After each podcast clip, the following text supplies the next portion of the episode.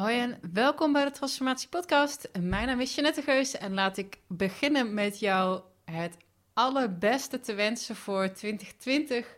Wat je me kan bedenken.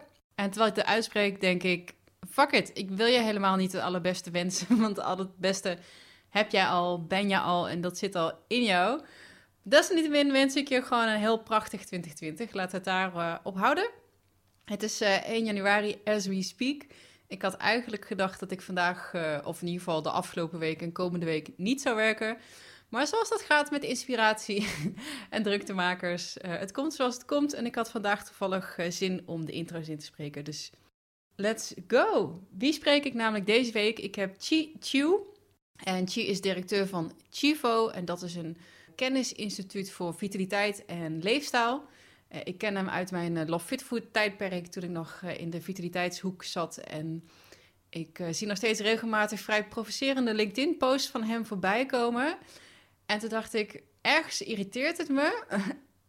en daarom moet ik het misschien maar even op gaan zoeken. Want hij leidt professionele coaches op en hij heeft een zeer sterk wetenschappelijk fundament. Dus het is heel erg interessant wat Chivo doet. Dus ik dacht, nou weet je wat, ik nodig hem gewoon uit.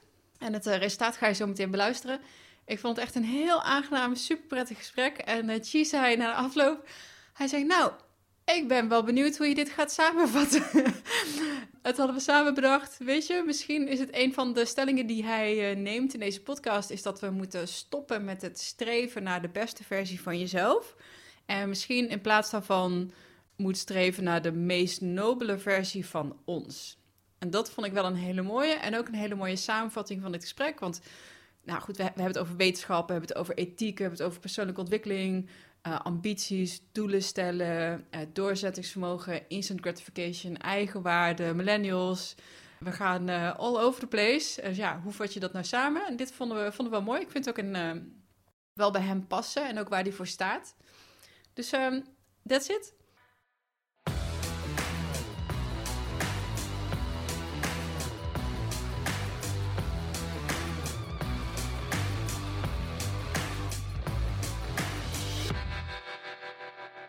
We weten van elkaar al heel lang dat we bestaan. En we cirkelen een beetje in elkaars netwerk, maar we hebben elkaar nog nooit face-to-face gesproken. Ja, maar ik denk dat er heel veel mensen luisteren die nog niet, zo, die niet uit de vitaliteitshoek komen. Die, nee. die zeggen, oh, Chivo, waar, wat, waar staat dat dan voor? Ja. Dus laten we daar even beginnen. Nou, korte introductie. Nou, we zijn eigenlijk een kennisinstituut die zich bezighoudt met vitaliteit en leefstijl. En de oorsprong komt echt wel uit de fitnesshoek. En vandaar dat wij uh, nog steeds personal trainer opleidingen hebben. Uh, en dat gaat heel goed. Maar we, het accent ligt vooral op vitaliteit. Een leefstijl zat daar altijd een beetje tussenin. Leefstijl. Wat, is, wat is leefstijl dan precies? Leefstijl is al het gedrag wat invloed heeft op gezondheid. Uh, volgens het RIVM. Ja. En um, leefstijl is langzamerhand veel meer naar de PT-hoek gegaan omdat wij op een gegeven moment ontdekt hebben dat je um, niet gezond hoeft te zijn om toch vitaal te zijn. En de Oeh. vraag is natuurlijk, wat is dan vitaliteit? Yeah.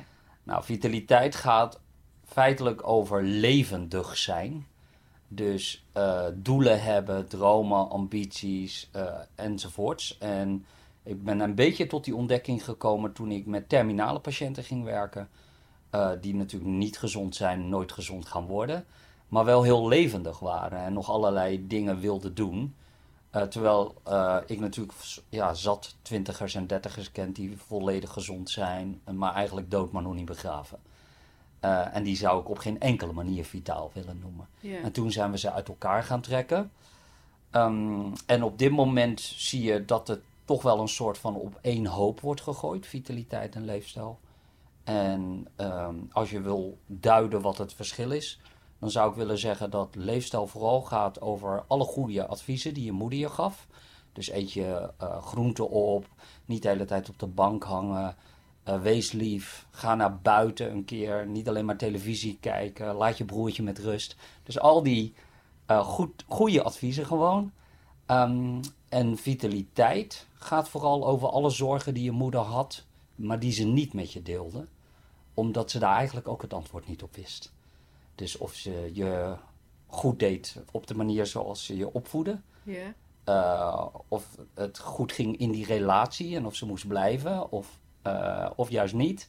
Eh, of dat ze werk deed bij een bedrijf waar ze niet achter kon staan. Dat gaat veel meer over vitaliteit. Over de grote levensvragen. ehm, die steeds moeilijker lijken te worden omdat alle regels verdwenen zijn. En waarom dan kiezen voor het woord vitaliteit als ik je zo hoor van wat het inhoudt?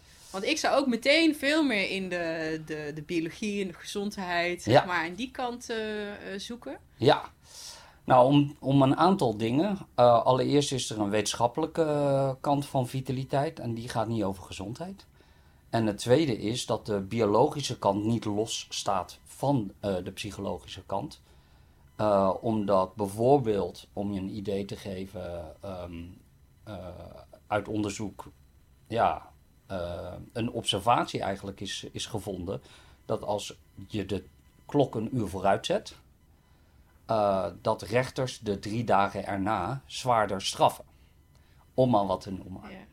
Dus jouw gemoedstoestand, je keuzes die je, de keuzes die je maakt, maar ook de manier waarop je naar de wereld kijkt, wordt deels vanuit de biologie bepaald. En deels vanuit nou ja, je ervaringen en, en, en, en de denkbeelden die je hebt. En wij kunnen ze niet los van elkaar zien. Kijk, vitaliteit gaat gewoon over, over leven. En als je kijkt naar wat het leven wil, al het leven, dat wil zich gewoon ontwikkelen. En eh, het betekent dus dat het doelen heeft. En eh, die, die worden deels ingegeven door biologie. Als ik honger heb, dan, dan ga ik op zoek naar eten. Dat is een doel. En als ik geen honger heb, dan heb ik andere doelen. Ja. Ja. Ehm, we willen ons altijd... Ja, er zijn echt zoveel dingen waar ik meteen eh, over de diepte in wil. Ja. Heerlijk. Ehm, als je zegt van we willen ons altijd ontwikkelen, dus hebben we doelen. Ehm, mijn hoofd gaat dan meteen een paar stappen vooruit. En denk, oh, zou dat misschien kunnen verklaren waarom sommige mensen een beetje tegen de lamp lopen? Dat ze een soort van die drive wel voelen, zeg maar, die inherente behoefte om je te willen ontwikkelen, maar niet echt daar voor zichzelf een doel aan gekoppeld hebben. Nee. Ehm, nou, deels. En ze hebben wel doelen, maar die doelen hebben ze niet echt goed verkend. Ze weten niet of die doelen bij hen passen. Vroeger had je natuurlijk heel weinig keuze. Ik bedoel, 200 jaar geleden moest ik gewoon achter een ploeg staan. En dan was het gewoon heel snel klaar. Ehm, en nu heb je natuurlijk heel veel keuzes. Ik bedoel, eh, ehm, eh, dat zien we nu al in het, in het bijvoorbeeld het idee dat 60% van de mensen eigenlijk een beroep uitoefent die niets met hun opleiding te maken heeft. Ehm, en dat maakt het verwarrend. En als het heel verwarrend wordt, dan zie je dat mensen een soort van terugvallen in primaire driften als het gaat om doelen. En dat is hoe je daar ja, uit zou moeten zien, eh, hoe je je zou moeten voelen. Als je geen passie hebt, dan is er dus kennelijk iets mis met je. Eh, en wat je zou moeten bezitten om een goed leven te hebben. En dat is, ehm, ja, dus dat zijn doelen die soort van terug, eh, eh, ja, bijna een soort van oerdoelen zijn.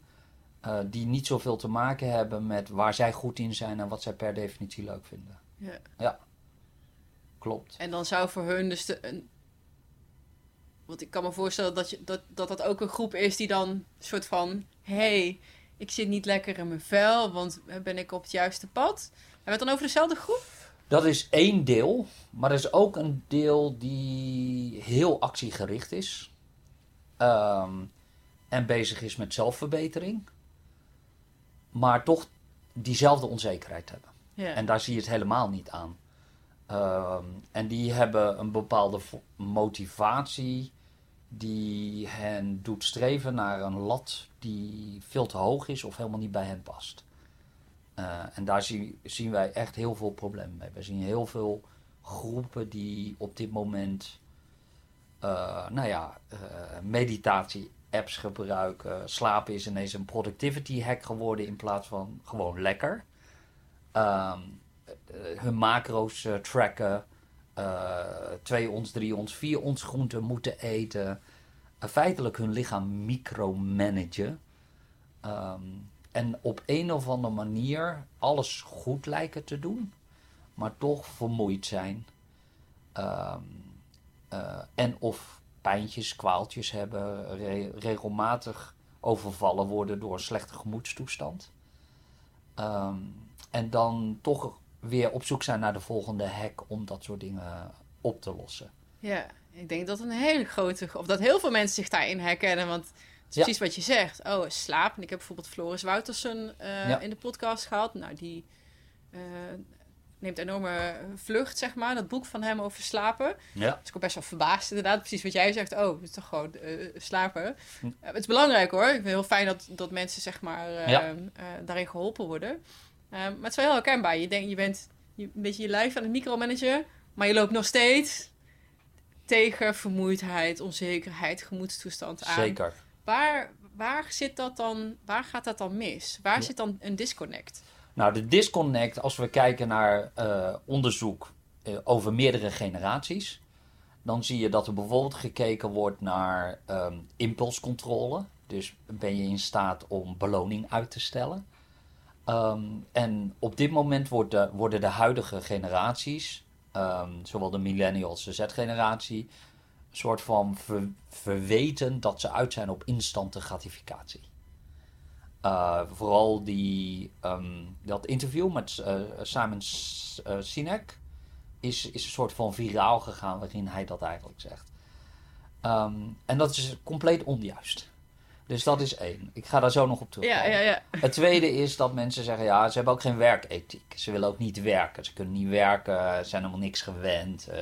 Eh, de term snowflakes komt natuurlijk echt heel vaak voorbij. Het allemaal snowflakes gehoord. zijn. Ja. Oké, oké, oké. Dus dat is, dat is, eh, dat is eh, de ander. Dus ze, ze, willen en niet werken, maar ze willen wel meteen beloning. Dus dat zijn eigenlijk de twee etiketten, de ja. verwijten die ze hebben op deze jongere generaties.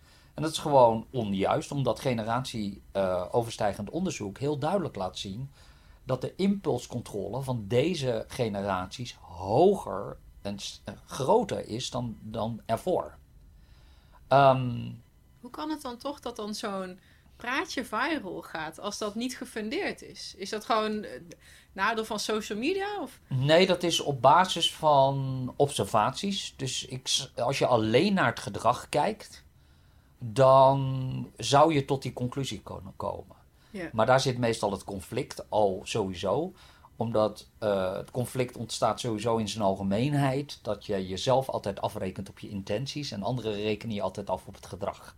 Ja. Uh, en dat, dus die disconnect zorgt hiervoor dat mensen gedrag zien. Je ziet dat mensen zeggen: ik, voel, ik, ik, wil, ik wil niet dat mijn baan zinloos is. Ik wil niet dat dit, ik wil niet zus. En terwijl de oudere generatie natuurlijk zegt: van luister, dat is super onredelijk, want ik heb er ook 40 jaar over gedaan. Of ook, ja. Ja. Ehm, dus ik snap beide standpunten. Maar als je dan kijkt naar het onderzoek, dan zie je dus dat impulscontrole niet afgenomen is, maar toegenomen. En de vraag is, hoe ga je die twee rijmen met elkaar? Ja. Hoe ga je de observaties rijmen met de data? Nou, dat is eigenlijk wat wij constant doen. Ja. En, eh, en het is eigenlijk redelijk duidelijk. Er komt een derde factor bij. Dat is namelijk de hoge lat. Ehm, wij hebben heel simpelweg te maken met het gegeven dat sinds ehm, massamedia is ingetreden, dus eigenlijk met de, echt met de komst van commerciële televisie uit de vorige eeuw. Sociale media is daar een soort van slap aftreksel van. Maar de, de, de commerciële televisie, die had hele duur betaalde tijd. Ik bedoel, eh, eh, ik, ik kom nog uit een tijd wa- waarin we maar twee kanalen hadden, Nederland 1 en 2. En dan moest je opstaan op het knopje, Ja, het knopje te duwen. En En ik, moest ik heb dat. zelfs nog aan een radertje Ja. gedraaid. Toen ik heel klein was op de Ja. televisie. Oh, om heel op goed. de juiste zender te komen. Precies, nou ja, die tijd. En eh, ik, ja, ik moest zelfs nog soms met mijn hand de antenne vasthouden die op de televisie stond Ja. om goed wild te krijgen. Ehm, maar met de ja, intrede van, van commerciële televisie, eigenlijk RTL 4 in Nederland, eh, had je hele duur betaalde tijd. En die, kon je, die wilde je natuurlijk het liefst vullen, niet met normale zaken, maar met de uitzondering. En eh, dan ga je op zoek naar uitzonderingen. Nou, als we het hebben over die oerdriften, dan heb je het dus te maken met mensen die eh, super, super mooi uitzien, die succesvol zijn en, en die een passie hebben. En vroeger was dat 1 op 1000. Misschien die oppervlakkig voldeed aan dat plaatje. Ja, die waardig zou zijn om op televisie iets te komen vertellen. Ja. ja. Maar als dat 1 op 1000 is, die, die kwam je normaal nooit tegen in het echte leven. Tenzij je, eh, en als je hem tegenkwam, dan wist je dat het een uitzondering was. Nou, nu zitten we met een totaal ander verhaal. Als je een commerciële televisie hebt en je moet de uitzondering in beeld brengen en je hebt een miljoen mensen, dan kun je in één keer duizend, uit, duizend uitzonderingen vinden. En we hebben niet eens een miljoen mensen, we hebben 17 miljoen mensen. Maar laat ik het bij die duizend houden. En ik heb wekelijks een programma, dan kan ik gewoon tientallen jaren kan ik dat laten zien. Ja. Maar nu hebben we zelfs eh, nou ja, 7 miljard mensen. Dus ik kan nu elke dag hele kanalen vullen met uitzonderingen. En dat als jij elke dag een uitzondering ziet, bijvoorbeeld een 20-jarige die financieel onafhankelijk is, dan is dat dus niet meer de uitzondering, dan is dat de norm geworden. Hmm. En dat is waar deze generatie mee opgegroeid is. Zij kennen geen andere wereld dan dat je op je twintigste financieel onafhankelijk zou moeten kunnen zijn. eigenlijk een soort reality check nodig. Nou, maar dit is de reality. Dus Ja. als, eh, als jij zegt van ja, maar dat is de uitzondering. En hij zegt nou, dat kun jij wel vinden. Maar ik kan gewoon een lijst produceren met 150 mensen. Ja. Waar ik toevallig ook nog contact mee heb via sociale media. Eh, en die allemaal 20 zijn en allemaal financieel onafhankelijk. Dus ehm, is dit, is dit, dit is de realiteit. Misschien ben jij niet meer in touch met deze realiteit. Dat is wat zij ons dan Ja, zouden... precies. Of, de andere kant zouden kunnen verwijten. ja. Ja, ja, ja. En eh, dat betekent dat ze allemaal eh, gelijk, feitelijk hebben ze allemaal gelijk. Ehm, maar dit is hun realiteit. Nou, nu moeten we dan terug naar waar we begonnen zijn. Hoe komen we tot het idee dat ze altijd uit zijn op instante gratificatie? Nou, dat zijn ze niet. Dit is de norm. En ik leg het altijd als volgt uit. Als jij iets, van, eh, iets wil kopen wat eigenlijk 1000 euro waard is. en je wil daar maar een tientje voor betalen, ben je gewoon een krent. Oké? Maar als iets een tientje waard is en je wil een tientje betalen, dan is dat normaal. Nou, nu is het precies hetzelfde. Als je zegt, luister, stel je wil financieel onafhankelijk zijn en de norm is dat je dan minimaal 50 moet zijn, dan is het instante gratificatie. Oké? Eh, als je op je twintigste financieel onafhankelijk wil zijn. Maar als iedereen om jou heen 20 is en financieel onafhankelijk, en jij bent 21 en je bent niet financieel onafhankelijk, dan is het geen instante gratificatie. Dan ben je zelfs een loser. Dus de norm is verschoven en zij voldoen aan die ogenschijnlijk nieuwe norm. Eh, en, dat, eh, en dat maakt het dus geen instante gratificatie meer. Zij, eh, en dat verklaart waarom ze nog steeds heel veel impulscontrole hebben en toch niet uit zijn op instante gratificatie. Want als jij hen vraagt, jij kunt succesvol worden als jij elke ochtend om 4 uur opstaat, eh 12 uur, 15 uur werkt achter elkaar. Het is ongemak wat je 5 jaar of 10 jaar moet verduren. Je moet je slaap optimaliseren, je moet je eten optimaliseren, je moet elke dag eh, trainen, je moet elke dag dit, elke dag zo. Je moet eh, eh, minimaal twee keer per week posten welke boeken je hebt gelezen. Eh, al dat soort dingen. Dan doen zij dat. Er is een werkethiek die ik nog nooit in mijn leven gezien Ja, heb. ja. En ik moet de eerste week nog meemaken dat ik minder dan 40 uur heb gewerkt. Ja. Ehm, en het is een impulscontrole die ik ook nog nooit in mijn leven gezien heb. En toch wordt diezelfde generatie altijd beschuldigd van instante gratificatie. Maar, ja, maar het heeft dan meer te maken met onze communicatie en instant gratificatie dan in onze werkethiek. Want iets meteen over de schutting kunnen gooien, Ja, eh, met al onze gedachten, alles meteen maar pep, omdat we korte lijntjes hebben, Ja. dat is ook een vorm van instant gratificatie. En die snap ik wel, dat, dat, dat er veel wordt gedeeld.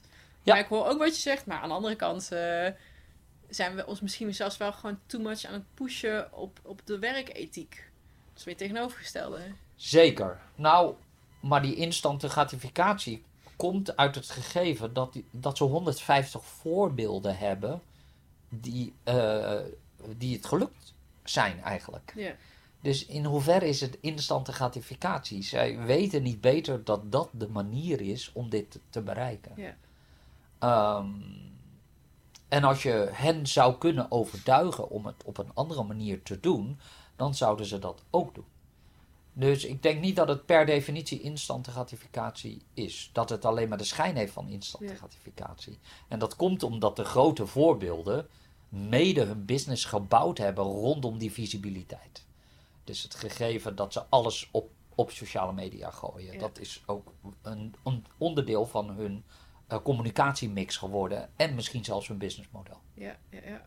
En jij als buitenstaander, ik zie dan zo'n groep die wil dat dan ook. En ik denk, oh, ik ga dat gewoon kopiëren. Ja. Eh, maar misschien missen ze wel dat ene aspect van die 1 op 1000 die inderdaad echt bijzonder heeft en echt talent heeft en echt meer te Ja. bieden heeft misschien dan een doorsnee 20-jarige. Zeker. En vooral veel geluk heeft gehad. Nou, dat is wel een eh, interessante uitspraak, want die groep zegt nee, het heeft niks met geluk te maken Ja. en overnight succes bestaat niet en je moet hard werken. Is het in jouw ogen wel meer ook gewoon geluk? Gewoon Data zijn daar heel duidelijk over. Ja. Ja. Ehm, pak, pak elke grote, groot succesverhaal. Ehm, en, eh, en, en track alles in hun biografie en de biografieën die geschreven zijn door alle anderen om die persoon. Of de Bill Gates is, of Steve Jobs, of een, nou, noem het maar op. Uh, en je gaat erachter komen dat het een complete reeks aan toeval is. Ehm, dat ze ergens ingerold zijn. En ik heb het heel vaak hoor met eh, eh, cliënten over. Dus als, als cliënten dat dan zeggen, dan vraag ik aan hen: Nou, kun je mij vertellen eh, hoeveel van jouw succes, want je bent succesvol, hoeveel van jouw succes is te wijten aan toeval? Nou, in de helft van de gevallen krijg ik zoiets te horen als: Nou, toeval bestaat niet. En de andere helft die zegt dan: Nou, ik heb daar heel hard aan gewerkt, dus ik denk 10%. Nou, dan begin ik natuurlijk meteen van: Nou. Uh, had jij zo succesvol kunnen zijn als je geboren was in een derde wereldland? In een gezin waar met zeven kinderen, terwijl er maar voedsel is voor drie? Het antwoord is nee. Oké. Okay. Kun je mij vertellen wat jij precies gedaan hebt om niet geboren te worden in een derde wereldland? Nou, mijn cliënten die ik heb zijn natuurlijk gewoon intelligent, dus die hebben al heel snel door waar dit heen gaat. ja? ja? Um, en zo kun je heel veel van dit soort dingen uh, uh, achter elkaar noemen. En dan kom je erachter dat ontzettend veel te wijten is aan, aan toeval. Uh, dat is de basis van al het leven.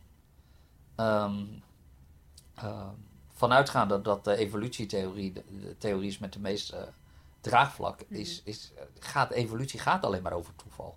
Er is geen richting in de evolutie. Nou, dat denken heel veel mensen wel, ja. hè? Dat het ergens naartoe moet. Precies. Ja. Dat er zoiets is als vooruitgang en dat we dat dan evolutie noemen. Misschien is dat wel mooi om ook even dan te tackelen. Ja. Waarom evolutie niet doelgericht is. Ja, ik psychologie gestudeerd. Ja.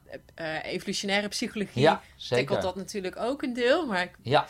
Hoe, hoe zie jij dat? Waarom is evolutie niet doelgericht? Of hoe, hoe kunnen we uitleggen dat de evolutie niet doelgericht is? En veel, Ja. veel meer random eigenlijk is dan dat de meeste mensen zich beseffen. Ja, feitelijk gaat, als je kijkt naar evolutie, zijn er eigenlijk drie pijlers. Hè? Eh, dat is variatie, dat is selectiedruk en dat is eh, overerving. Dat zijn eigenlijk de drie mechanismen van evolutie. Nou, variatie ontstaat eh, allereerst gewoon door random mutaties. Er worden tijdens het kopiëren van cellen gewoon fouten gemaakt. En 99% van die eh, mutaties die doen helemaal niets. Eh 1% doet wel iets, eh, maar dat is niet altijd gunstig. Eh, heel vaak is het alleen maar een bijkomend effect. En eh, soms is het, is het gunstig en een bouwsteen voor de volgende. En het draait om volume. Dus als je maar voldoende volume hebt in die mutaties, dan mislukt weet ik hoeveel, maar uiteindelijk wordt er een volgend bouwsteentje gelegd. En dat gaat gewoon alle kanten uit.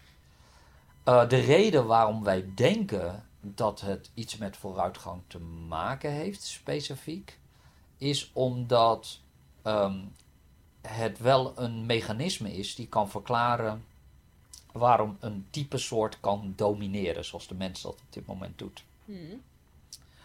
Maar ook dat is compleet random uh, geweest, dat wij net deze set hadden van uh, functies die we opgebouwd hebben.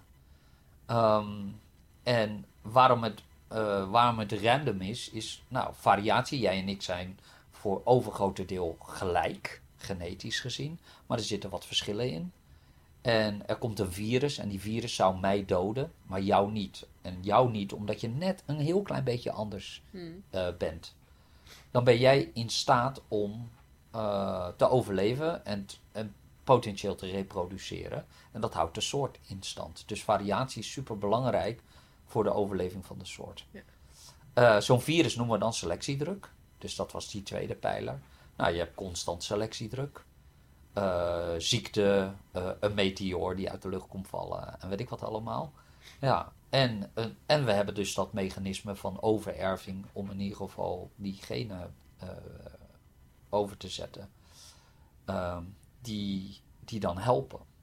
En ehm, ja, binnen de evolutiepsychologie, maar evolutietheorie is natuurlijk altijd dat we proberen af te vragen waarom we een bepaalde functie hebben. Ja. Eh, En terugkijkend kunnen we overal natuurlijk een mooie reden bij bedenken. Maar het is dus zo moeilijk om vooruit Ja. ehm, te, te extrapoleren, zeg maar. ja, Ja, Maar het geeft ons wel veel aanwijzingen hoor. Het is, eh, of het geeft ons best wel richting.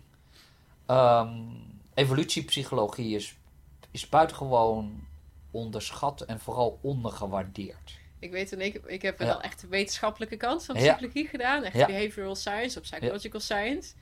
En ik weet inderdaad een klein beetje zo de evolutionaire psychologie. Als je kijkt naar echt de experimenteel psychologen. Ja. Nou, die zeggen, ja, is leuk, maar ik kan nul experimenten natuurlijk doen. Omdat Ja. het altijd terugkijkend is. Ja, Dus daar werd altijd een beetje inderdaad naar gekeken van ja, is leuk, maar ach- in hindsight kan ik alles verklaren natuurlijk. ja zeker. Ja. Eh, dat maakt het wel lastig.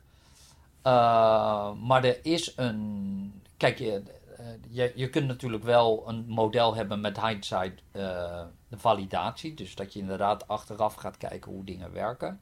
En of ze kloppen.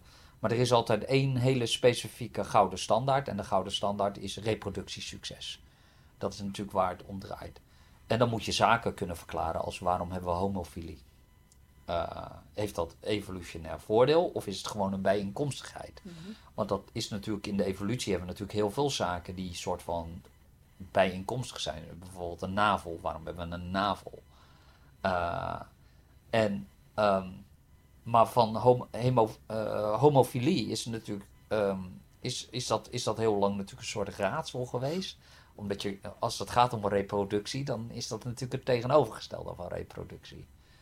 Maar daar ehm, wordt gekeken naar populaties waarin eh, homofilie aanwezig is. En dan gaat men kijken hoeveel neven en nichten een homofiel heeft.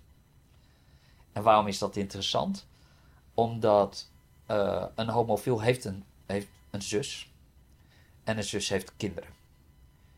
Hebben de kinderen meer of minder overlevingskans als er een extra man bij zit Mm. die en kan verdedigen en kan eh, voor voedsel kan voorzien eh, en kan bijdragen op een zorgende manier eh, En niet de concurrerend in de resources. eh, In ieder geval niet want- met vrouwen. Ja, precies. Ja, want hij heeft niet zijn eigen kinderen die hij ook moet voeden of verzorgen en aandacht moet geven. En dat blijkt, eh, die data is, is heel duidelijk. Dat eh, als, er, eh, als er een homofiel in de familie is, dan eh, is het reproductiesucces dus groter. Eh, en dat, ehm, ja, dus dat zijn hele, hele interessante eh, vraagstukken die op die manier wel beantwoord kunnen worden. Ja. Altijd als ik zeg maar jou voorbij zie komen op LinkedIn. Of Ja. ik zit, de een LinkedIn is eigenlijk nog de en Instagram is een beetje het enige waar ik nog eh, actief op ben. Ja, Ik heb altijd meteen de koppeling wetenschap. Ja. Hè? En nu ook, hè? je verwijst er. Ik ben zelf ook echt eh, van de wetenschappelijke school. Ehm, waar- waarom is dat zo belangrijk? Wa- Want, heel eerlijk, dan zie ik dat soms wel eens. Ik heb eh, wetenschapsfilosofie kwam ook voorbij en wetenschap doen. En ik merk juist dat ik zelf zoiets van ja, het is traag. Ehm, weet je, het moet door een, moet door een logapparaat. Eh, en vooral innovatief nieuw onderzoek. Ze altijd nog even zoeken, de methodiek eens uitzoeken. En dan zegt de een zegt ja en de ander nee. En degene die nee zegt wordt niet gepubliceerd. Dus voor mij is wetenschap ook een beetje een modderig veld. zeker. Iets waar ik niet heel makkelijk mee durf te schermen. Ja, maar zo zit het, want deze, dit onderzoek zei dat. Ja. En jij hebt wel daar lef of ballen in, dat ik soms denk... Wow, oké. Ja. Hoe, waarom is dat zo belangrijk? Dat, dat, het, ehm, dat je dat er wel bij wil halen? Omdat het ethisch is. Het is het enige wat ons daadwerkelijk uit de middeleeuwen heeft getrokken. We hebben duizend jaar eh, stilgestaan in de middeleeuwen. Eh, en daar gingen, weet ik veel, drie of vier kinderen eh, eh, in, van, van de vijf gingen in het eerste jaar dood. Ja. Uh, en dat is achteraf, is dat nu, vandaag de dag, is dat ondenkbaar. Ja. En dat is allemaal het product van wetenschap. Het gegeven dat wij elkaar al, al kenden voordat we elkaar ontmoet hebben, is, is het product van wetenschap. Het gegeven dat mensen naar deze podcast zitten te luisteren, is wetenschap. En zoals Richard Dawkins eigenlijk uh, feitelijk zegt, is um, waarom, waarom wetenschap? Because it works. The shit works. Dat is eigenlijk wat Ja. hij zegt. Uh, en ik vind er een hele duidelijke ethische kant aan zitten. Uh, omdat als je kijkt naar. Omdat het gaat over waarheidsvinding. Waarheid is heel belangrijk. Mhm. Um, en dat we. En, en daar kunnen we ook nog een middenweg vinden in tussen een persoonlijke waarheid. Dus dat is jouw ervaring. Mhm. En een objectieve waarheid. En die objectieve waarheid, die persoonlijke waarheid kan jou helpen in je motieven, je drijfveren, je brandstof om actie te ondernemen. Maar, dat, uh, maar die objectieve waarheid, die blijkt dus de meeste mensen te kunnen helpen. Ja, en, en de reden waarom ik Ja. het zo lastig vind, en met name misschien in psychologische Ja. Eh, studies en psychologische kennis. Ja. Psychologie is heel jong eh, als, eh, als wetenschap, relatief jong Ja. als wetenschap.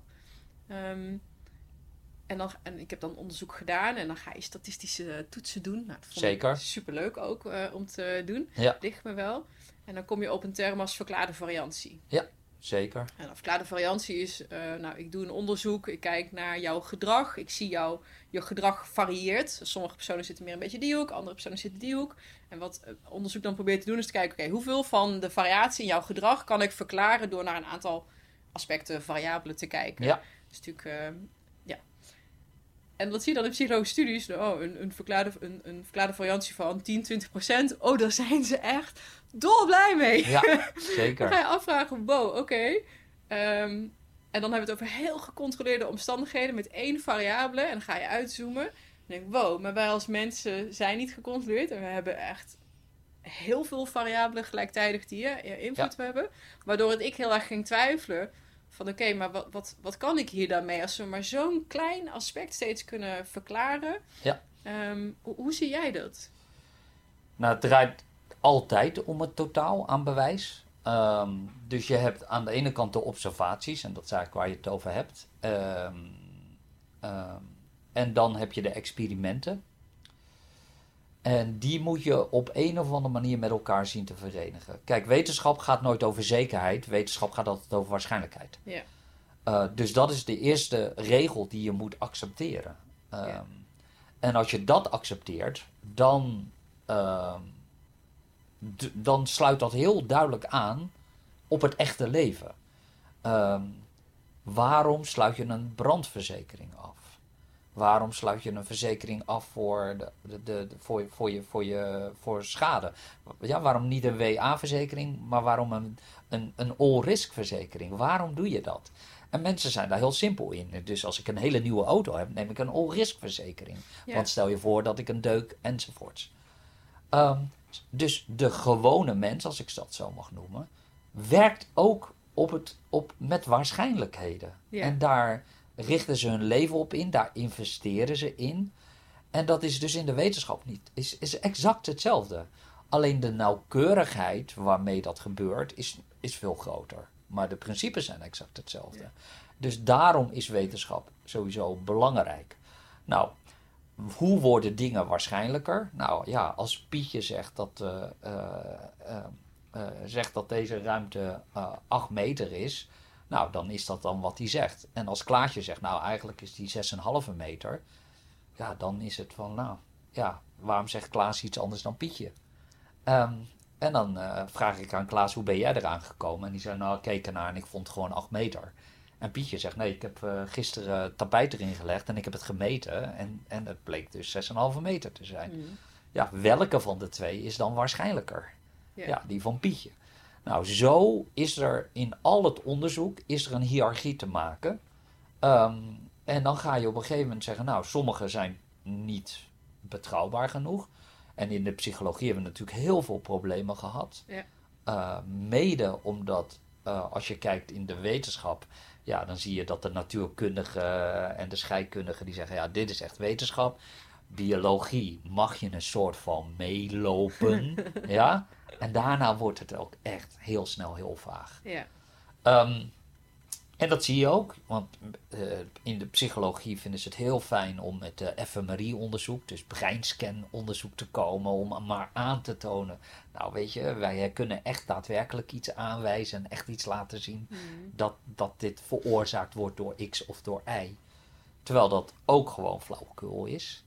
Ehm, en dat maakt het eh, dat, dat, ja, dat we niet terug moeten naar dat ene onderzoekje of dat ene deel in het brein wat oplicht. Mhm. Maar dat we echt de moeite moeten gaan nemen om te zeggen: we gaan het totale veld eh, bekijken en we gaan het debat in. Want dat is waar het om draait.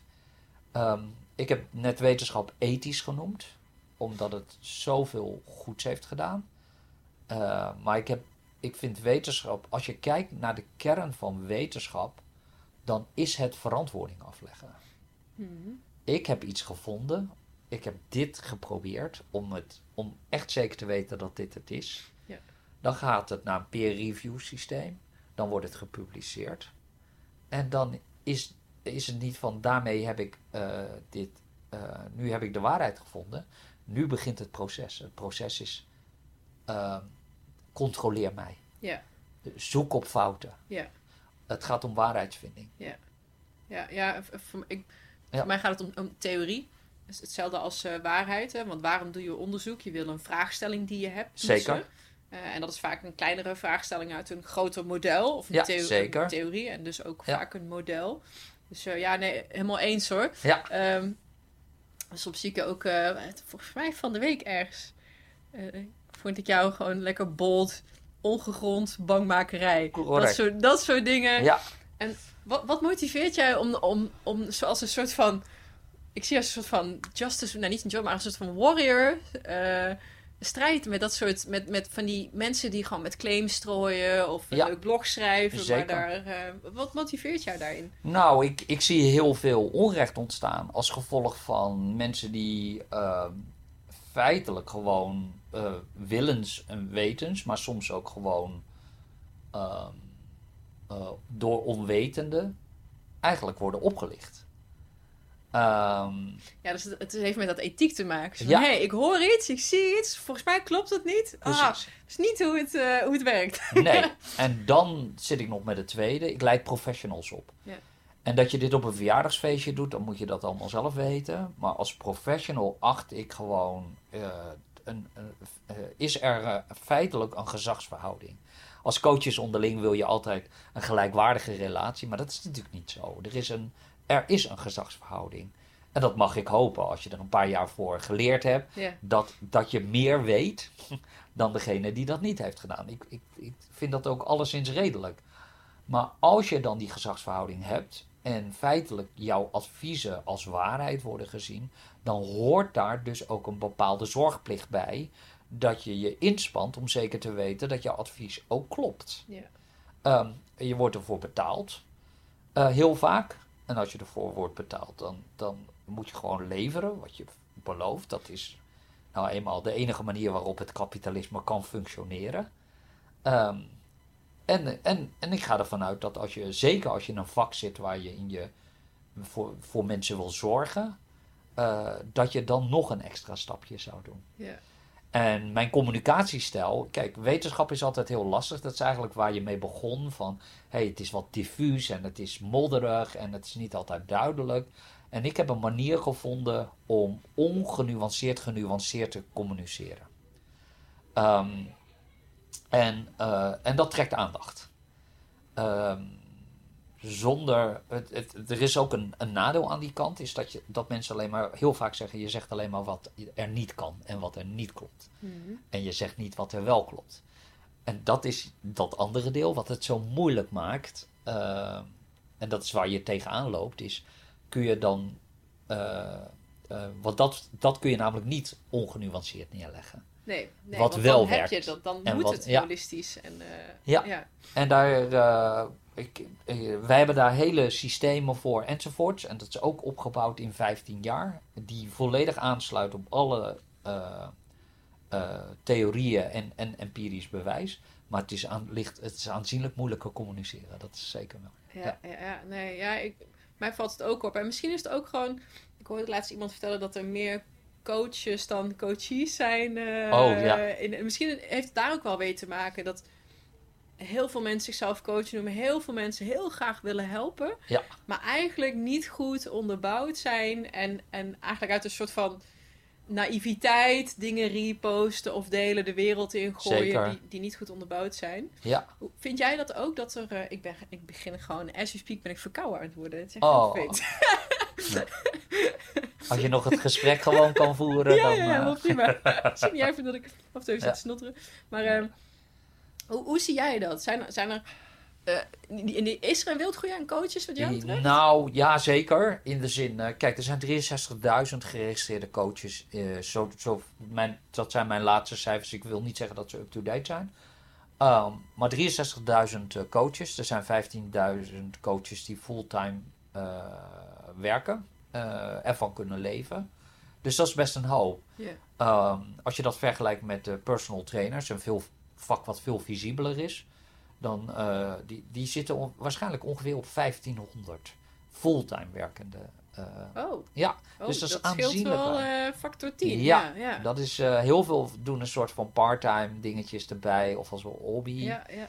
En bij coaches is dat anders en dat komt ook omdat, het, omdat ze uh, vaak door uh, bedrijven worden betaald. Uh, om hun high potentials of hun managers, die worden dan gewoon door coaches begeleid. En dat betekent dat er een enorme aanzuigende werking is. Ik bedoel, follow the money eigenlijk. Ja. Ja, en, en, en met de beste intentie, dus zover wil ik nog wel gaan. Ja. Uh, maar die mensen hebben een systeem waarvan ze nog nooit afgevraagd hebben uh, of dat klopt. En als, als, als het hart van coach is het stellen van de juiste vraag, dan denk ik dat de meeste coaches uh, aan, die, aan, aan, dat, aan die kern voorbij zijn gegaan toen het ging over hun eigen vak. Ja, dat is wel wat ik zie. En ik, ik merk dat. En je ziet dus dat ze uh, teruggrijpen naar dingen die makkelijk toepasbaar zijn. Uh, positieve psychologie is daar één van. Wat is, wat is positieve psychologie in jouw ogen? Ja, positieve psychologie is eigenlijk de term die uh, eigenlijk al door Maslow ooit genoemd is.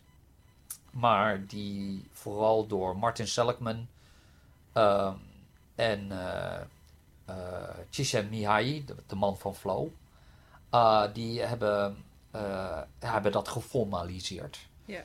En toen Martin Seligman in 1998 voorzitter werd van de APA, toen heeft hij gezegd: luister, we hebben heel veel tijd gestoken in de pathologische kant van psychologie. En nu gaan we kijken naar de andere kant het, uh, het floreren ervan. Ja, zijn, ik moest zeggen, ik heb dat boek van hem gelezen. Flourish heet het boek ook. Ja, zeker. Ja. ja. ja. Vervolgens heeft hij daar eerst Happyology van gemaakt. Uh, eigenlijk... Dat wist ik niet. Nee. Oh, ik ben blij dat dat niet is blijven plakken. Nee, nou, hij zei, hij, zei, hij zei ook op een gegeven moment... Uh, ja, dat is eigenlijk wat de uitgever wilde met mijn eerste, eerste boek. Uh, Authentic Happiness was, was eigenlijk... Ik weet niet of het zijn eerste boek was. Maar het was wel het boek wat... wat uh, in die positieve psychologie stroming kwam. En, uh, en toen heeft hij gezegd: nee, we moeten verder en we moeten naar floreren. En dat is eigenlijk in de tra beste traditie van, de, van het humanisme. Hoewel ze uh, heel duidelijk zeggen dat ze dat ontkennen. Omdat positieve psychologie echt gegrond is in wetenschap. En dat is niet waar. Nee. Uh, dus dat maakt het heel lastig. Uh, wat je nu vooral ziet is dat ze weliswaar... Maar, maar dingen ja. zoals zijn, um, die thema's die in het boek bijvoorbeeld zijn, grit, ja. doorzettingsvermogen. Hè? Dat ja. een van de dingen die hij heeft onderzocht. Ja, met uh, Duckworth. Het staat mij niet bij. Is dat niet. eh, of misschien- ik, ik geen idee hoor, want ik heb mijn facts. eh, Ja. mijn fact, ik kan ook niet as you speak facts checken. Ja. Maar is dat niet wetenschappelijk onderbouwd? Nee. Oh. Allereerst is dat een bestaand concept. Eh, wij, wij, kennen, wij kennen het allebei als conscientieusheid.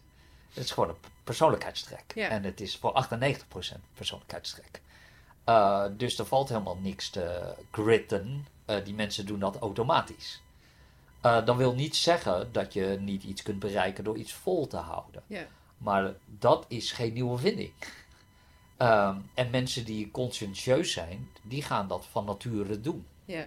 Ehm, en er is. eh, dus dat is een enorm probleem geweest. Nou, vervol- vervolgens hebben ze natuurlijk wat onderzoek gedaan onder kinderen en wat groepen gedaan. En daar hebben ze een aantal statistische fouten gemaakt of bepaalde dingen achtergelaten, waardoor eh, eh, eh, eh, het leek alsof grid een onafhankelijke factor zou zijn. Dus ze hebben die correcties niet doorgevoerd en daardoor, eh, ja, feitelijk is het volledig ingestort. Het is, grid heeft geen waarde. Ehm, Ik vond wat dat betreft, hè, als het gaat Ja. over wetenschappelijk onderzoek. ja, Ik. eh, ehm, The Psychology of Terror, heette dat volgens mij. Ehm, ik leerde erover in mijn opleiding. Om even aan te geven van hoe, hoe, zoiets- hoe gek zoiets misschien ook hè, kan Ja. ontstaan en ook weer eh, weg-appt. Ehm, dat waren drie onderzoekers en die deden onderzoek naar, naar eigenlijk terror. In, the wake, oh, in the Wake of 9-11, zo heette, Ja. dat, eh, zo heette dat boek. En dat is, dat is een soort van stroming en die kijkt naar, oké, wij zijn, we hebben bewustzijn en dus hebben wij, zijn wij ons bewust van het feit dat we ooit doodgaan. Ja. Dat is eigenlijk een paralyzing terror. Eigenlijk Ja. zou je dat helemaal moeten verlammen, want oh mijn god, je gaat ooit dood. zeker. En we hebben allerlei mechanismes ingebouwd om te bufferen. Nou, self-esteem hadden, hebben wij zijn geopperd als een manier om te bufferen. Zeker. Iets nalaten na je dood is ook een manier om te bufferen. Nationalisme is ook een manier om te bufferen. Zeker. Deel uitmaken van een grote ding.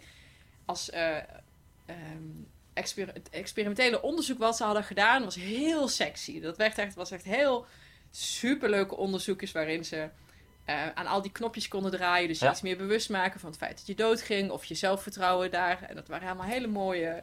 Dus dan, eerst dan denk je, oh fantastisch, geweldig.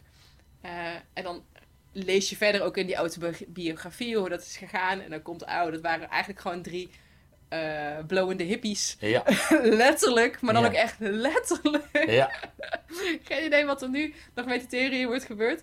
Ehm, maar om even aan te geven, zo, oh, weet je wel, grit, dat klinkt dan zo, alsof het helemaal mooi is onderbouwd. Maar dat is ook een soort van opleving in een bepaalde kant op. En dat dooft dan ook weer uit of zo. En zo Zeker. zag ik dit ook een beetje. Oh, het is een beetje een leuke opleving. En vooral omdat heel veel... eh, als experimentele onderzoeker werd je er heel blij van. Je kon hele chique, mooie experimenten doen. Helemaal goed Ja. gecontroleerd. Maar eigenlijk eh, was het ook heel makkelijk weer onderuit gehaald. of zo. Zeker. Door, Het- eh, Het is een hypothese. Eh, eentje die natuurlijk vooral bekend staat als, als drijfveer voor, voor eigenwaarde. mhm. Maar er is natuurlijk ook concurrerende hypothese vanuit de evolutiepsychologie. Dat is de sociometer van Baumeister. Um, en, uh, en er is nog maar de vraag, en die vraag is eigenlijk wel beantwoord, is of eigenwaarde überhaupt een basisbehoefte is. Uh, en die kunnen we inmiddels wel beantwoorden. Dus die, dit is gewoon dat geen, het geen, uh, geen, geen basisbehoefte is. is. Nee. Oh, dat vind ik interessant. Want een van de vragen Ja. die ik had, want ik vind het heel leuk om uh, in de wetenschap te blijven hangen. Ja. Gewoon, waar zit in jouw optiek nu... Wat geeft je het meeste jeuk van de dingen die je nu hoort? Of waar denk je van, oh, dat is echt zo'n misconcept. Laten we daar alsjeblieft met z'n allen gewoon mee stoppen om daar uh, ons op te focussen. Zijn dat dingen als eigenwaarde? Want ik denk dan meteen aan persoonlijke ontwikkeling is nu natuurlijk Ja, groot. In die zin, meer mensen zijn zich daar bewust van. Uh, dat ze zelf ook nog Ja. iets kunnen doen. Uh, misschien ook valt het wel een beetje in een gat. In, als je kijkt naar school en wat er dan nu... Waar, wat we denken dat van ons verwacht wordt. Ja. Uh, dus we moeten groeien, we moeten ontwikkelen, we moeten sterken. Zeker. En, uh, maar waar moeten we mee stoppen als het aan jou ligt? De, uh, een term die al heel vaak gebruikt is de maakbaarheid. Uh, en dat is een beetje uh, het idee dat. dat ehm, en de meritocratie. Dus dat alles, alle succes toe te schrijven is aan jouw eigen verdiensten. Um, want we weten dat dat gewoon niet waar is. Ehm, en, eh, maar ook dat het mensen in problemen brengt. Ehm, we weten dat heel veel toe te schrijven is aan, aan toeval. Uh, en ik heb het in, al in meerdere podcasts heel kort uh, heb ik, heb ik het al, al toegelicht. Maar ik heb ooit een keer een term gebruikt van, nou stel je voor dat er, een, dat er twee uitersten zitten op een schaal van zero naar hero. En je zou dat verdelen in vijf stapjes. Dan ga je zien dat de meeste mensen met het idee rondlopen dat ze van zero naar hero kunnen. En hero is dus, dus die financiële onafhankelijkheid enzovoort. Maar het is veel realistischer om te veronderstellen dat je op een schaal van 5 maar één stapje kunt zetten in je leven. En dat is misschien voor 99% voor de mensen geldt dat. Um, en zelfs dat stapje wordt met 500% overschat. Ja, dus we zijn helemaal niet sociaal, zo sociaal mobiel. Nee. Sociale mobiliteit. Precies. Uh, als dat we eigenlijk denken. Ja. En dat is best. Uh, dus, dus, dat is, dus dat is één. Dus er is heel veel toe te schrijven aan toeval. En uh, dan zou je zeggen, ja, maar wat. Ik krijg heel vaak als antwoord, ja, dat vind ik wel een heel deprimerend uh, verhaal. en dan moet ik altijd Louis Pasteur aanhalen. en die zei altijd, nou, toeval heeft de voorkeur voor mensen die voorbereid zijn. Dus je kunt je kansen vergroten. En als je je kansen kunt vergroten, dan kun je dat vertalen naar hard en slim werken. Dus je moet nog steeds hard en slim werken, ondanks het gegeven dat heel veel toetsschrijvers naar toeval. Dus dat is één component. Maar het gegeven dat je hard en slim hebt gewerkt, wil nog niet zeggen dat je succesvol gaat zijn. Uh, natuurlijk kennen we degene die zegt: je moet je hart volgen, je passie volgen. En toen heb ik mijn baan opgezegd en kijk wat een succes ik heb gehaald. Ik kan je vertellen, dat hebben duizend mensen gedaan. En van die 999 hebben we niks meer gehoord. Hmm. Um, dus het gaat alleen maar weer om die uitzondering. Nou, als jij heel hard gewerkt hebt en slim gewerkt hebt, dan kun je dus nog steeds falen. De kans is heel groot dat je gaat falen. Dan moet je naar een tweede component toe. En dat is compassie hebben. Compassie voor jezelf. Het gegeven dat jij uh, net als elk ander gewoon kan falen omdat het niet mee zat. Mm. Uh, en die, dat is wat ik vaak mis nu. Wat ik nu mis is dat mensen denken dat het maakbaar is als ze maar hard genoeg werken, dat ze het uh, gaan redden. En als het niet gelukt is, dan trappen ze zichzelf volgens de grond in. Yeah. En daar moeten we echt heel snel mee ophouden. Maar dat is dan toch ook als een soort buffer voor je eigen waarde. Want als je die compassie niet hebt en heel streng op jezelf blijft. En Ja. als jezelf eigenlijk eh, niet alleen succes aanrekent, maar ook je falen aanrekent. Ja. Dat is natuurlijk hetzelfde eh, Zeker. keerzijde van dezelfde medaille. Ehm, Nou ja, ja, ik vind die relatie wel interessant eh, die je nu stelt, maar ik wil hem nog breder trekken. Als, je kijkt, als je kijkt naar maatschappelijke ontwikkelingen en de grote successen, er is nooit één iemand die dit heeft gerealiseerd.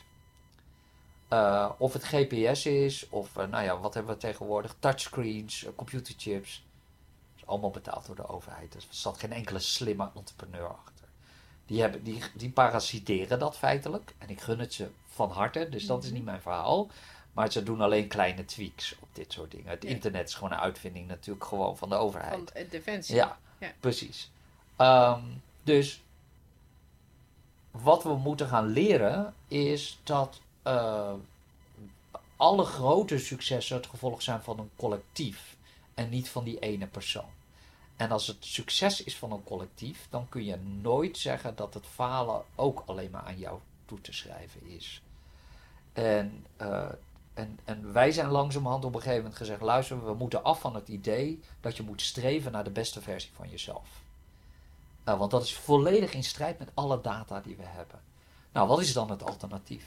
Het alternatief is de nobelste versie van ons.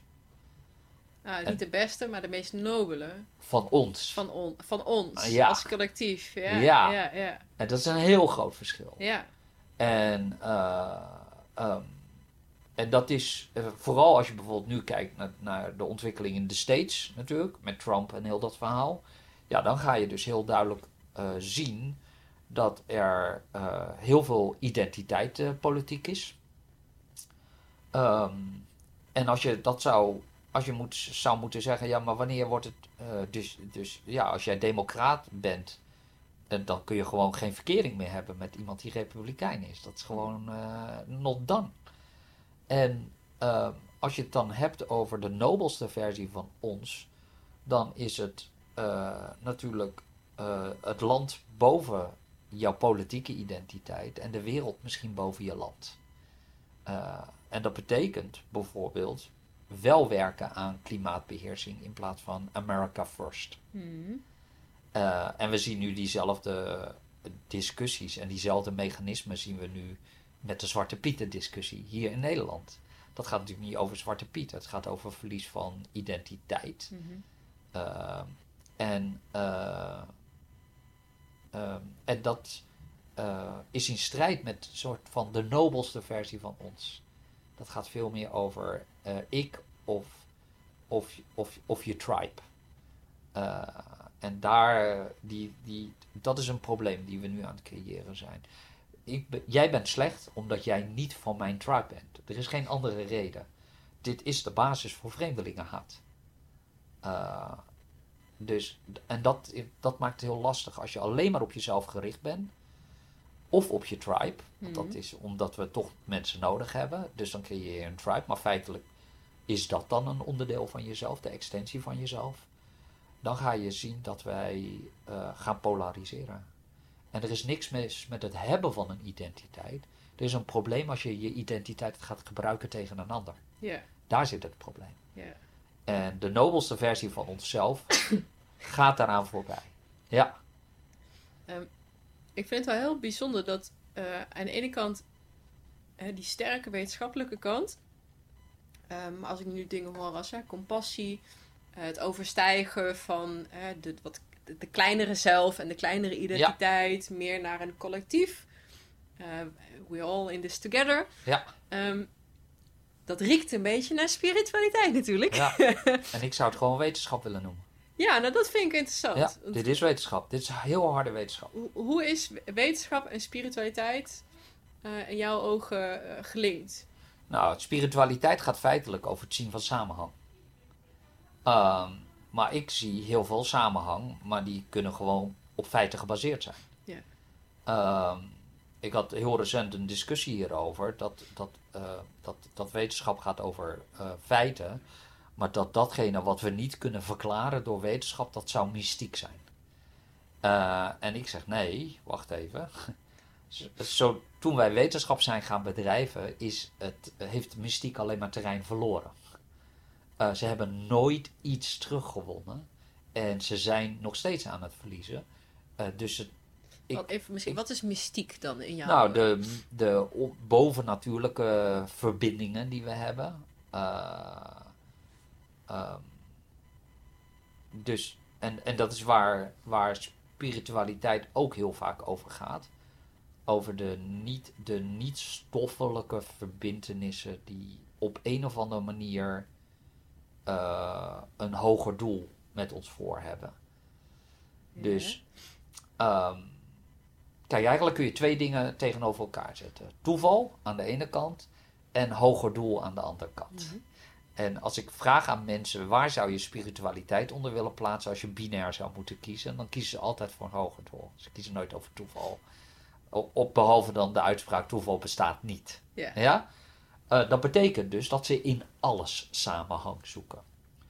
Uh, en dat is natuurlijk een menselijke neiging. Wij leren door samenhang. Uh, we trekken een kast. geven.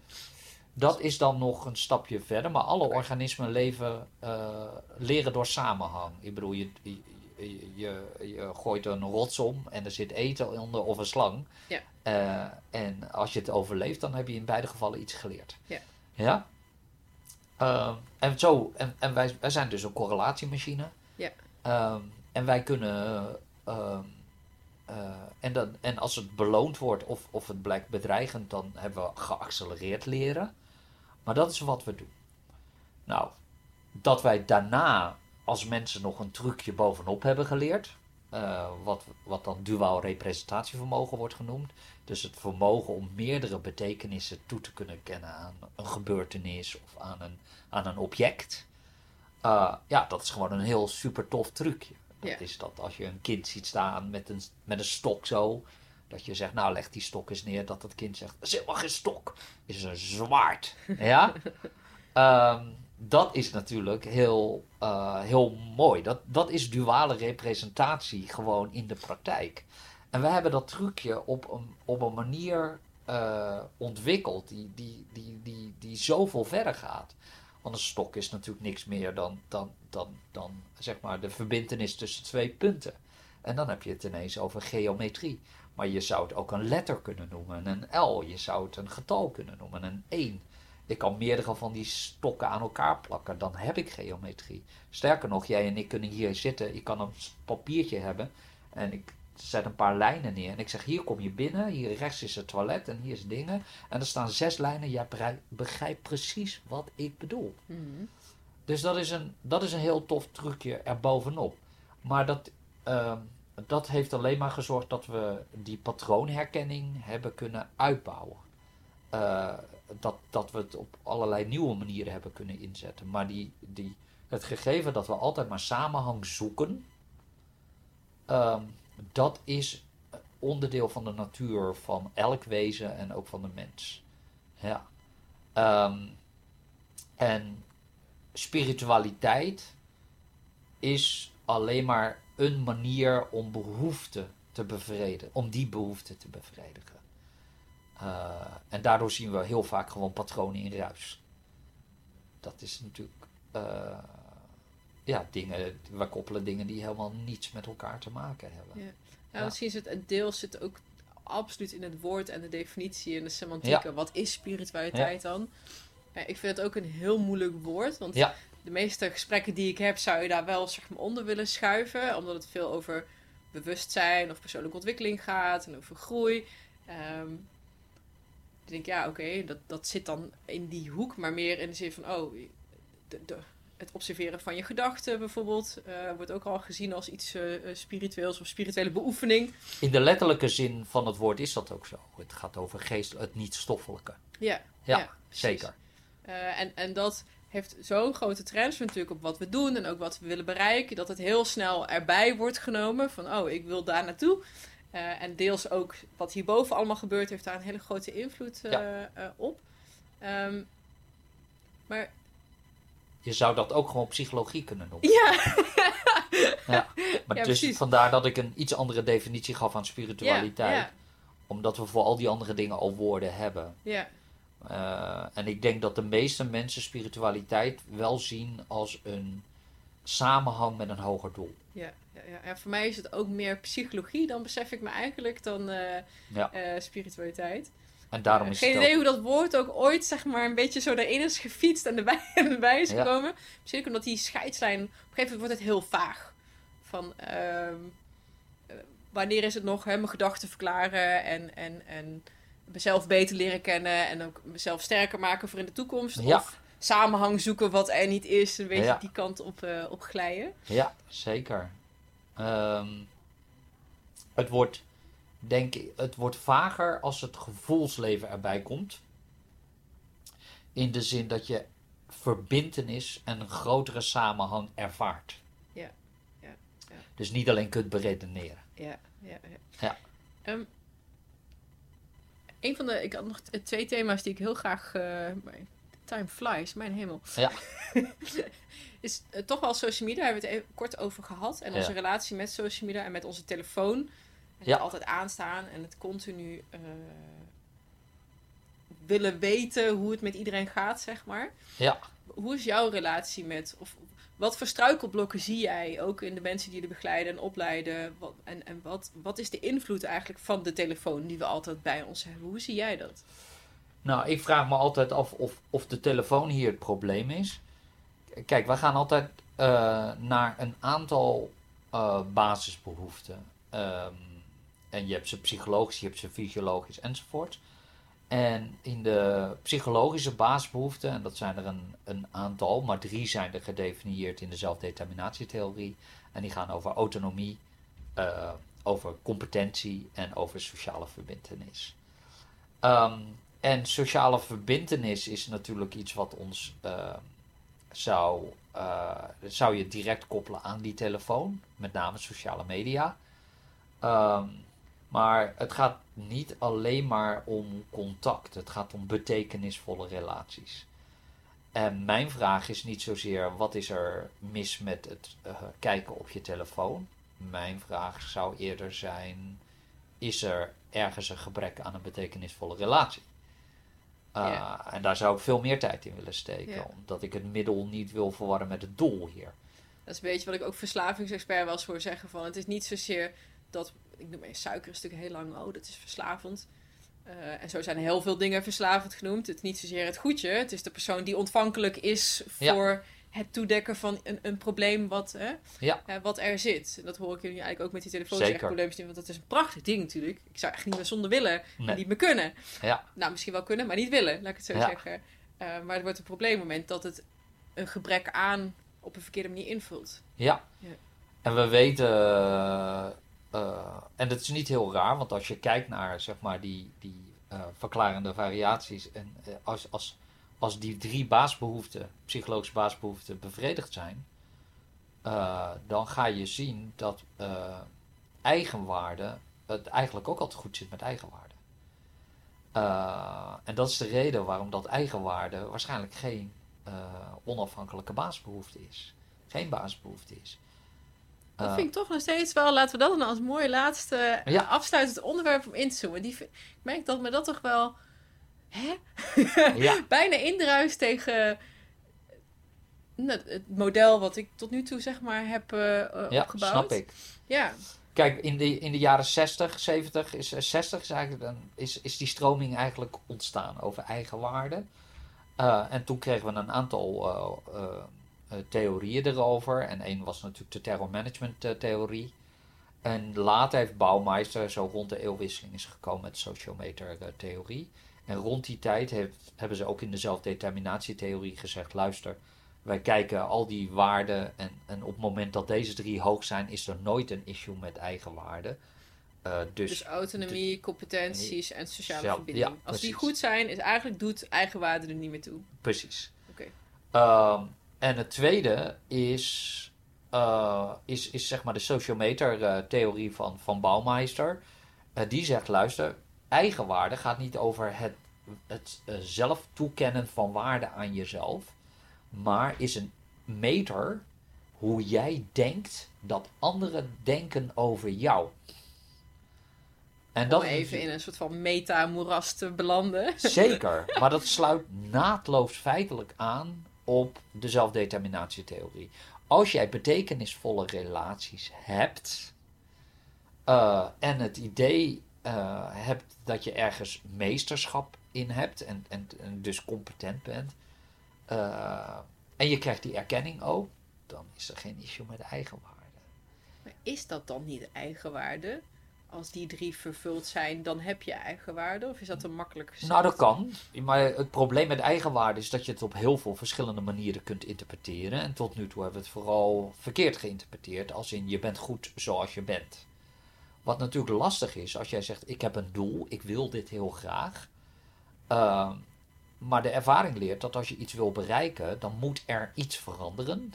En het is niet onwaarschijnlijk dat jij dat bent. Dus als jij rondloopt met het idee, ik ben goed zoals ik ben, en je gaat daarmee niet je doel bereiken, dan zijn die twee in strijd met elkaar. Ja, uh, en, en uh, ja, uh, en, en, stel, ja, je wil iets bereiken en je bent gewoon een zak of een narcist, en je zegt, ik ben goed zoals ik ben, dan ga je dus zien dat, dat, dat, dat, dat je dus blijft zitten. Ja. En als je hebt over leven, leven gaat over ontwikkelen. En dat is, uh, ja, dat, dat ontwikkelen is eigenlijk groei, groeien met behoud van functionele integriteit. Um, als jij gewoon zegt, ik ben goed zoals ik ben, dan ga je niet groeien. Nee, ja, je, je hebt een, een, een drijfveer nodig. Ja. Zeggen, de, alle grote spirituele leraren ook en mensen die ik heb ja. geïnterviewd, waarom is veranderen zo moeilijk? Ja, omdat het lijden gewoon niet groot genoeg is. Ja. Weet je, dat is zo van, nummer één. Ja. Los van alle andere dingen waarom het lastig is. Zeker. Maar het begint met, ja, als, als er geen probleem is, als je niet lijdt, Dan- heb je ook niet de drang om te veranderen. Nee, soms kan het wel als een bijeffect ontstaan omdat je iets leuks meemaakt. Dus dat is dat een, een iets leuks aan het doen bent. En dan word je vanzelf beter. Maar nee, zeker. Eh, en, en dan eh, hoeft het nog steeds, kan het nog steeds zwaar zijn. Ja, dat noemen we dan functioneel lijden. Ja. Ehm, maar ja, dan doe je het in ieder geval nog steeds vrijwillig. Ja. Maar hier zit wel een soort van de sleutel. De sleutel is dat.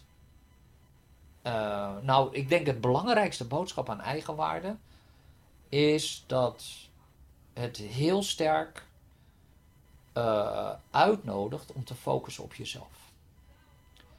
En als dat gebeurt, gaat het eh, chronisch actieve zelfsysteem gaat aan. En dat, eh, dat leidt nooit tot iets goeds, is gebleken.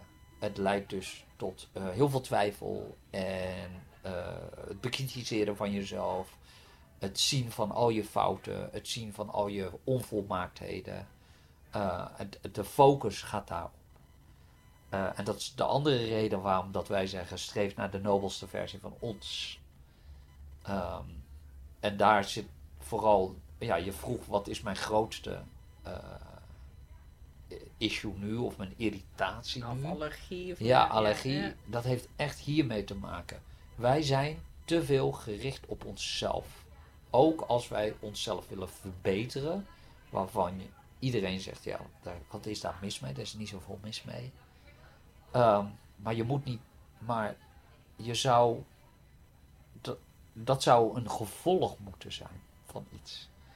Eh, jezelf verbeteren is het gevolg van ehm, dingen doen die je leuk vindt of dingen doen die je belangrijk vindt. Eh, en als je, die, als je maar dingen doet, dan verander je. Ja, ja je absoluut wordt- waar. Ja, Je ja. wordt beter. Ja. Maar als je vooral gericht bent op jezelf, dan ga je zien dat dat eh, echt een neerwaartse spiraal is. Hmm. Ja, en dat betekent dus verbinden eh, met mensen. Eh, en, en voor mij is de regel 1: alleen maar omringen met mensen met wie je het eens bent, is echt de beste manier om middelmatig te blijven. Eh, dus dat zou ik vooral niet doen. Dus als mensen vooral zeggen van, nou, ik, jouw verhaal klopt niet, dit, nou, ga dan gewoon de discussie aan Ja, probeer ervan te leren.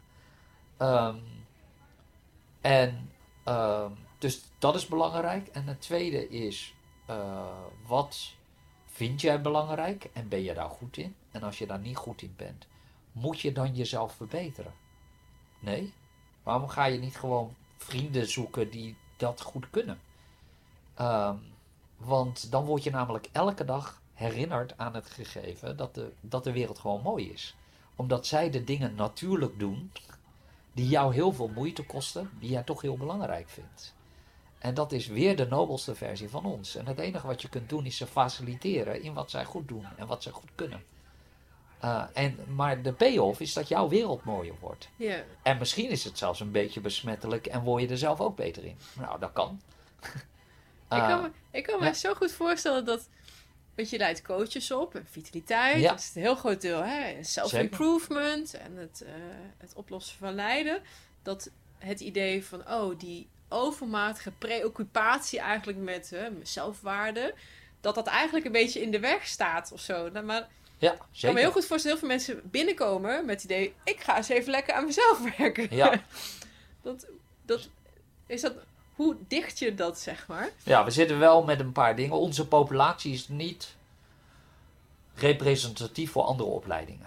En dat komt omdat wij gezien worden als wetenschappelijk. En daar hebben de anderen, die vinden dat niet eens een, een, een, eh, een aanbeveling. De andere opleidingen vinden dat niet per se een aanbeveling.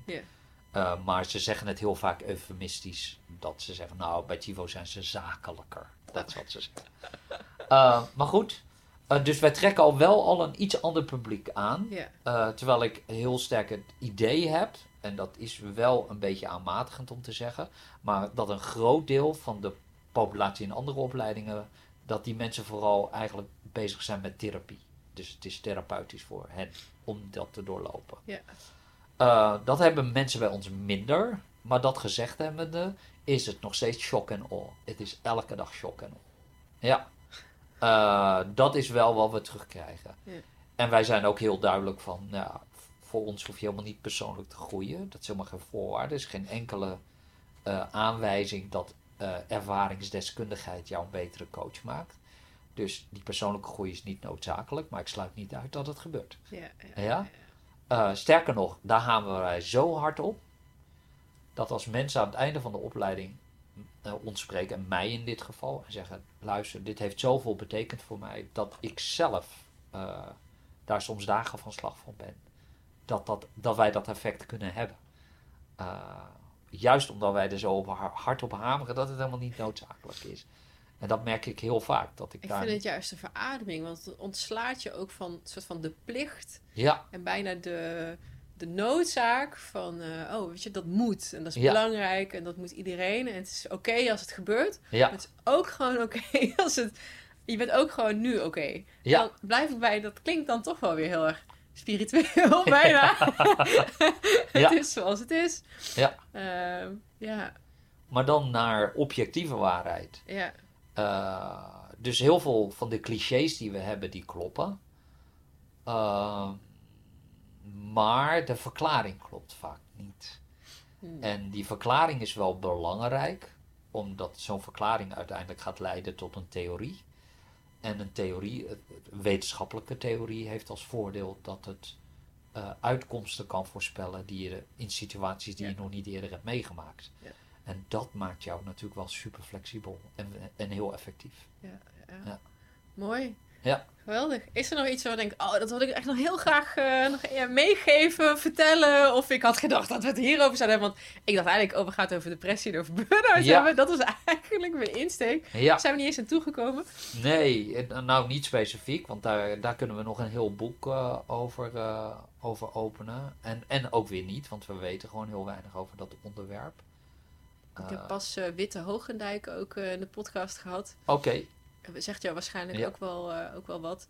Ja, ik vind zelf de depressie echt bijzonder fascinerend. Omdat ik ja. het zelf heb meegemaakt. En dat, ja.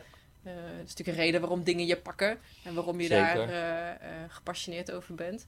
Dus nou, misschien, misschien, gaan we daar ooit nog een keer een vervolg aan geven. Want volgens mij zijn dat ook wel dingen. En denk oh, waar ik heel graag jouw blik eens op ja. willen laten schijnen. Nee, het is heel duidelijk een onderwerp bij ons in uh, vitaliteitstherapie. Um, en, en, best wel een, uh, een, een, groot onderwerp. Waar, wat, wat interessant is, aangezien er zo weinig over bekend ja, is. Ja. Uh, en dan kun je het aan alle kanten hebben. Je, je kunt het hebben vanuit de psychedelica kant tot wat, wat, waar nu ja, in de pre-registratie zag ik al meer dan 25 onderzoeken die in tussen 2021 en 2023 allemaal gepubliceerd gaan worden. Uh, en aan de andere kant, uh, ja, hoe ontstaat het? En, uh, ja. ja.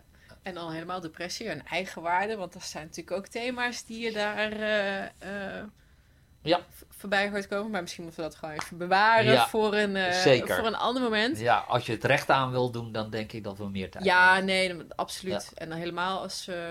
maar nu eigenlijk ook, want eigenlijk eigenlijk kan niks in een half uur of in een uur besproken worden. Nee. Omdat, dat ben jij ook. Jij bent ook een conceptdenker en een, ja. een theoreticus in dat ja. uh, opzicht. Dus dan, als je alles dan tot zijn recht wil laten komen, dan hebben we alle perspectieven nodig. Nou, ja. volgens mij is dat vandaag in ieder geval waar we het nu over hebben gehad, wel uh, gelukt. Ja, zeker. Sluit ik hem af. Dankjewel. Ja, jij ook voor dit mooie gesprek. En ik hoop tot de volgende keer. Dat was hem. Dankjewel voor het luisteren. En je bent tot het einde gekomen, dus ik hoop dat je hier waardevolle inspiratie uit hebt gehaald. En als dat zo is, voel je vrij om bijvoorbeeld een screenshotje te delen op je, in je Instagram stories of mij een berichtje te sturen. Of je me te abonneren of uiteraard een fijne review of 5 sterren rating voor me achter te laten. Daar maak je mij ontzettend blij mee namelijk. Rest mij niks anders dan te zeggen: geniet van je dag, enjoy life uh, onthoud story can wait. Sit back, relax, and enjoy the ride.